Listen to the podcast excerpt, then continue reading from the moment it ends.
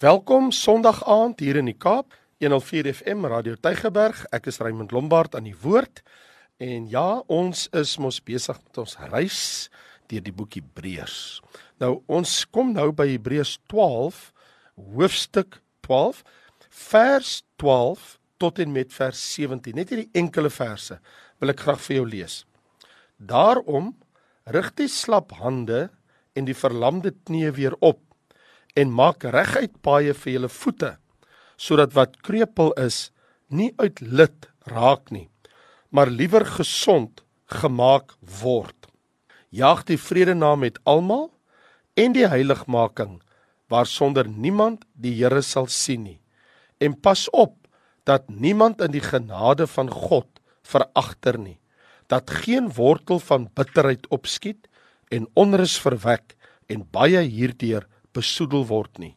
Laat niemand 'n hoereder wees nie of 'n onheilige soos Esau wat vir een spysgereg sy eersgeboortereg verkoop het.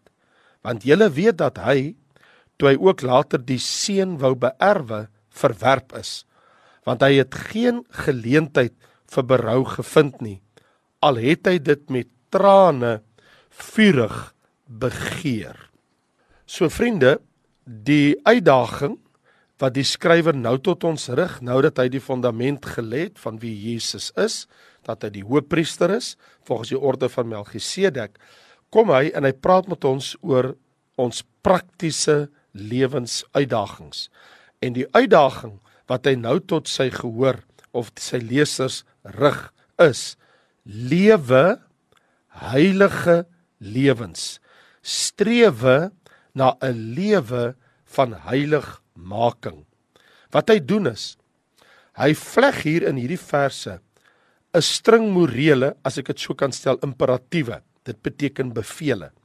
So hy het 'n klomp bevele wat hy aan mekaar string, morele bevele vir gelowiges wat aan die Christelike wedloop deelneem. Want ons het mos 'n verlede week gesien waar hy praat mos oor dat almal wat aan 'n wedloop deelneem. En hierdie imperatiewe of dan nou bevele gee 'n beeld van heilige getroue deelneming aan die wedloop tot die eindstreep bereik is. So met my gedagte nou lewe heilige lewens. Dis waaroor ek met jou gaan praat.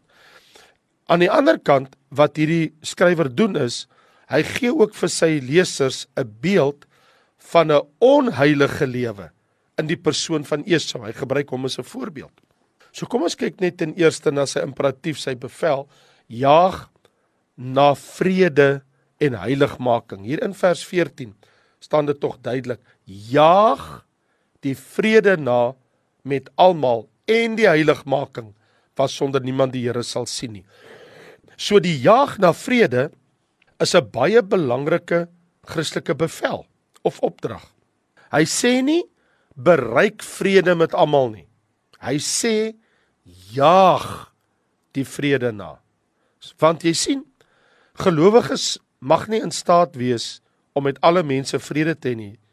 Dit is dalk nie moontlik, maar nogtans bly dit my en jou roeping en strewe om vrede na te jaag. Dit is tog baie duidelik uit Paulus se geskrif in Romeine 12 vers 18. As dit moontlik is, sover as dit van julle afhang, leef in vrede met alle mense. Dit is wat Paulus vir ons hier baie duidelik stel. So dit bring vir ons tot die besef om vrede met alle mense na te jag is die een onderskeidende kwaliteit in 'n gelowige se lewe wat die weg van geregtigheid najag in sy wedloop nie kan ontken nie. Ons wil dit almal doen jaag na heiligmaking waar sonder niemand die Here sal sien nie. Ons jaag na vrede en ons jaag na heiligmaking, want heiligmaking is 'n vereiste vir die gelowige. En hier gebruik die skrywer die term heiligmaking om diegene wat die Here najag te beskryf. So die jaag is om die Here te sien. Daar's 'n mooi Engelse woord wat sê pursuing God, die jag na God.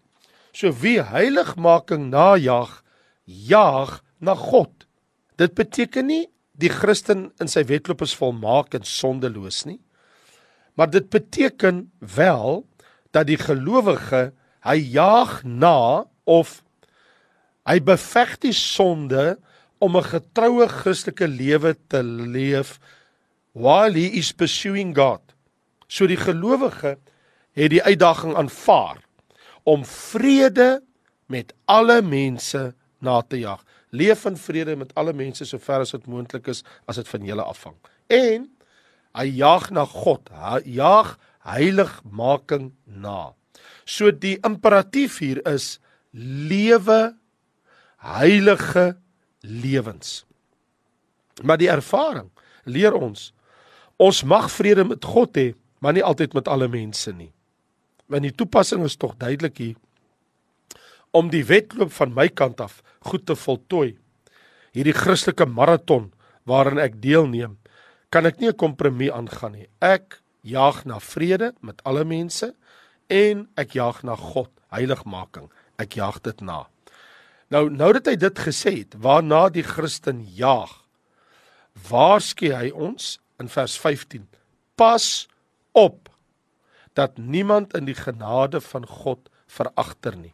So waak oor mekaar. Want hierdie string imperatiewe wat hy ons nou gegee het van bevele, sit hy nou voort. Hy sê nou in vers 15: 'n Kind van die Here, 'n gelowige, moet waaksaam wees dat niemand die genade van God te vergeefs ontvang het nie.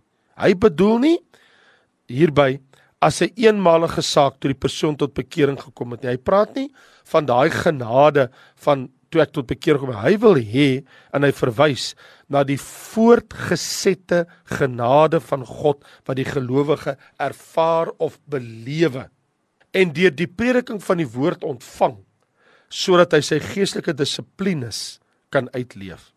So hier's die punt. Ons as kinders van God moet as gelowiges oor mekaar waak sodat almal saam kan groei in heiligmaking in die genade van God. Dat ons mekaar moet help en ondersteun is 'n gedagte wat dwarsdeur die Hebreërbrief te voorskyn getree het. Ek en jy het al uh, maande gelede toe ons by uh, Hebreërs 3 vers 13 gedraai het, gelees. Maar vermaan mekaar elke dag solank as dit vandag genoem word dat niemand van julle deur die verleiding van die sonde verhard word nie. En in hoofstuk 4 vers 1 het ons mos gelees hy sê laat ons dan vrees dat terwyl die belofte standhou dit nie blyk dat iemand van ons agtergebly het. Ons het mos daar in vers 11 van hoofstuk 4 gesien. Laat ons ons dan beywer om in die rus in te gaan en dat niemand in die voorbeeld van ongehoorsaamheid beland nie. En in hoofstuk 6 vers 11 het ons ook gelees ons verlang dat elkeen van julle dieselfde ywer mag toon En so het ons ook 'n paar weke gelede in hoofstuk 10 vers 25 kon lees dat hy sê laat ons die belydenis van die hoop vashou, onwankelbaar vashou, want hy wat dit beloof het is getrou. So jy kan baie duidelik sien in al hierdie tekste en al hierdie verwysings vers 24, laat ons op mekaar ag gee tot liefde en goeie werke aan te spoor. So hier's die ding. Waar hy in vers 15 vir ons sê waak oor mekaar. Ons mis baie keer die genade van God as ons ons eie self opgelegde hongersnood in die woord van God toelaat. Ons moet mekaar aanmoedig. Daar moenie 'n hongersnood in die woord wees nie. Kom ons lees en eet die woord gereeld. Lees jou Bybel, kry die woord in jou hart op 'n gereelde basis. Anders as jy 'n hongersnood in die woord het, dan is daar 'n hongersnood in jou geestelike lewe. Die ander ding wat ons baie duidelik kan sien is dat vir millenniums, vir duisende jare, wil God hê dat sy mense moet hulle lewe inrig volgens sy woord, volgens sy woord. En diegene wat nie die woord lees of mediteer nie, dat hulle ons kan mos nou duidelik sien dat hulle tot 'n oordeel staan, want die gelowige kan ons sien dan word hy vasgegryp in 'n in 'n wortel van bitterheid. Hy sê in vers 15: Pas op dat niemand in die genade van God veragter nie, dat geen wortel van bitterheid opskiet nie. Jy sien hier's die ding. Bitterheid is 'n dodelike besmetting en 'n teken van ernstige geestelike probleme. Nou, die Here wil nie ek en jy moet 'n geestelike hongersnood hê of geestelike anoreksia nie. Want jy sien, daar is 'n oprit na die sonde toe en dit is nie die weg van geregtigheid nie. Bitterheid moet in sy wortelstadium gestop word, anderste besmet dit die gees van die mens. En indien dit nie vinnig gestop word nie, het dit die potensiaal om vinnig na ander gelowiges te versprei en hulle onrein te maak. Nou lees ek hier in vers 16. Laat niemand 'n hoereder wees nie of 'n onheilige soos Esau wat vir een spysgereg sy eersgeboortereg verkoop het. Gaan hier oor aptyte. Esau se voorbeeld moet ten alle koste vermy word. Want die twee aptyte wat ons hier baie duidelik sien wat uitgesonder word is seksuele aptyt en fisiese aptyt. Wat het ons gesê laat niemand 'n hoereerder wees verwys na seksuele aptyt of in vir 'n spysgereg sy eersgeboortereg verkoop het fisiese aptyt en Esau was skuldig aan beide. Esau word geïmpliseer en na verwys as 'n onheilige. Nou oupa Abraham was reeds oorlede toe hierdie gebeure plaasgevind het in sy lewe. Wat insiggewend is, wanneer ons kyk na Genesis hoofstuk 25, dan kan ek en jy nie ignoreer.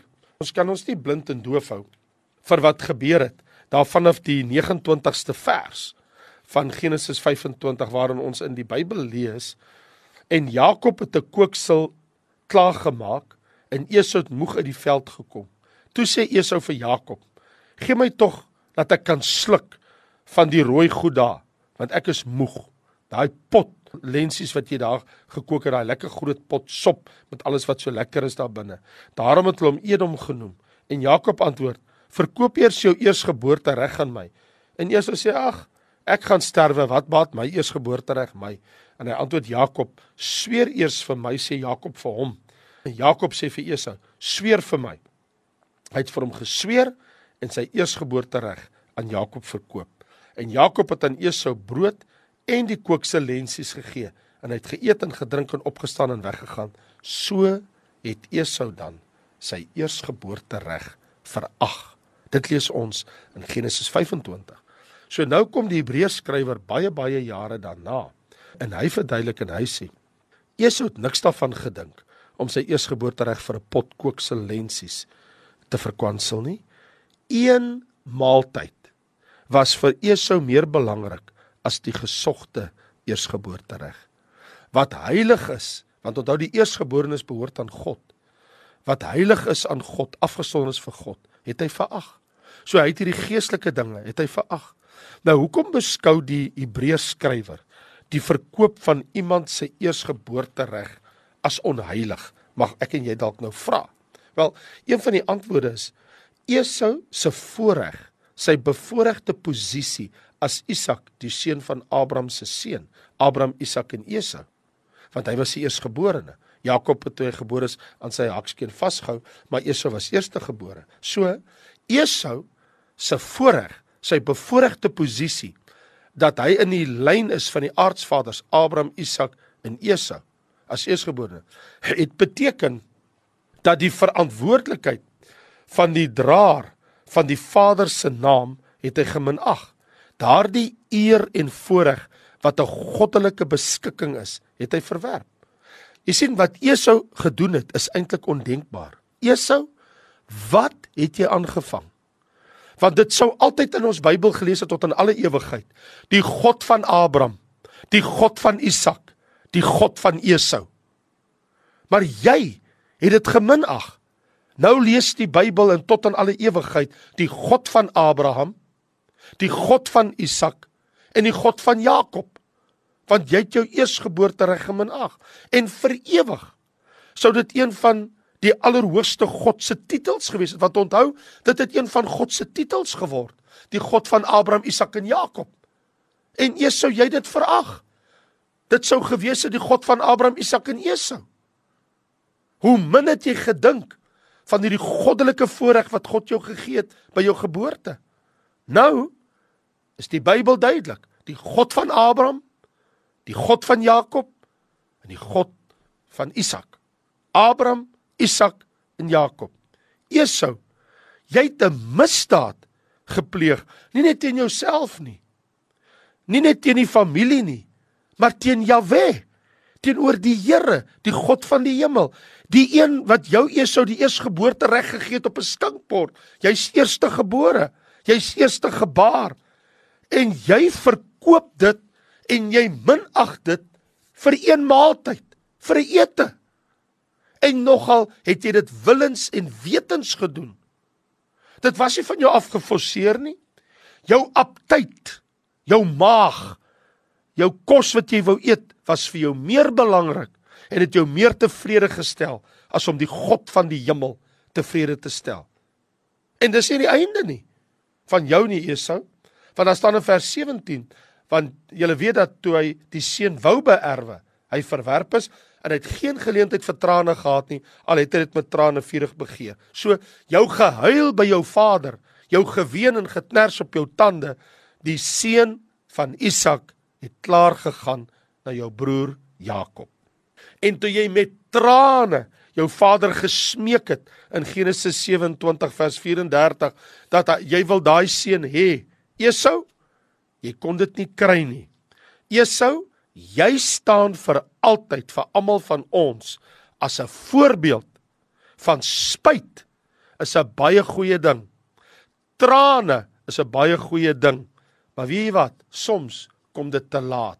En in jou geval, trane het dit nie verander nie. Want jy sien, Esau, as ek vandag met jou kon praat, daar's 'n onderskeid tussen spyt en berou.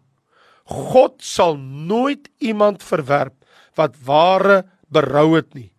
Maar God het geen erg aan wêreldse berou nie. Want 2 Korintiërs vers 10 sê dat die die berou van hierdie wêreld gaan nie by God aan nie. Esau, jy was spyt dat jy jou eersgeboorte reg verbeur het en trane was nie 'n teken van berou nie. 'n Dief is ook jammer as die polisieman hom vang, as hy ook jammer oor wat hy gedoen het. Daar is baie mense wat 'n gebroke hart het oor hulle sonde. Maar hulle bely dit nie met hartgrondige berou nie. Hulle mag toon dat hulle spyt is, maar hulle is onwillig om 'n diepe berou voor die Here neer te val en God om diepe vergifnis te vra. En dit sien ons in die persoon van Esau. Dit was nie hoe hy geleef het nie. Esau, jy het gelewe en jy het opgetree net soos daai 45-jarige man wat sy hele lewe spandeer het en toegewy het om geld na te jag en 'n ryk magnaat geword het. En toe iemand vir hom gevra het vir hierdie 45-jarige man, "Hoe is dit met jou siel?" Toe sê hy so ewe nonchalant: "My siel, ek het nie eens geweet dat ek 'n siel het nie."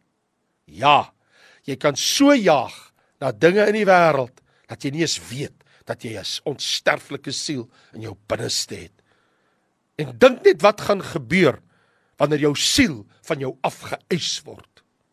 Jy sien die Hebreërs skrywer het in hoofstuk 11 aan die die voorbeelde reeds gegee van al die getroue geloofshelde. Ek en jy het mos gelees Abraham, Isak, Jakob, Josef, Sara, Abel, Henog, Noag.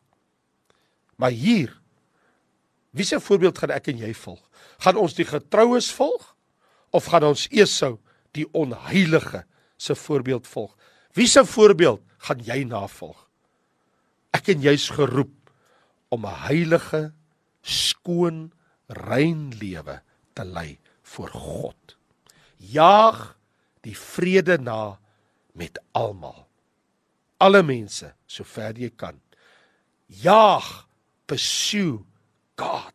Jaag na God toe en jaag weg van 'n lewe soos 'n onheilige, soos 'n reerder en 'n man wat sy seksuele aptyte en hy sy sy honger maagpyne was vir hom meer belangrik as God in sy lewe. Esau was 'n dwaas.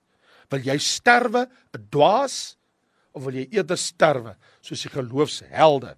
Wil jy eerder eendag sterwe soos 'n Abel, 'n Henog wat nie gesterf het nie wat God kom haal het. Die wegraping lê voor die deur vir Noag, vir Abraham, Isak en Sara en Josef en Dawid en Gideon en Barak en Samuel. Wil jy eerder soos een van hulle wees of 'n Petrus of 'n Jakobus as wat ek en jy soos hy Esau sal optree. Mag die Here ons bewaar van die gees van Esau. En ja, Spyt is 'n goeie ding, maar hy kom te laat. En Esau het dit tot sy bitter spyt uitgevind en God kry die eer. Die God van Abraham, die God van Isak en die God van Jakob. Nie Esau. Jakob. Is hy ook jou God? Die God van Raymond, die God van Karel en Sarel en Dawid en Jan en Willem en Sari en Susanna is God jou God. Vader in Christus Jesus het U ons Vader geword want U woord sê aan almal wat hom aangeneem het, het hy die mag gegee om kinders van God te word aan hulle wat in sy naam glo. Dankie Here dat ons kinders van die lewende God genoem kan word. U is Abba Vader. U is my Vader.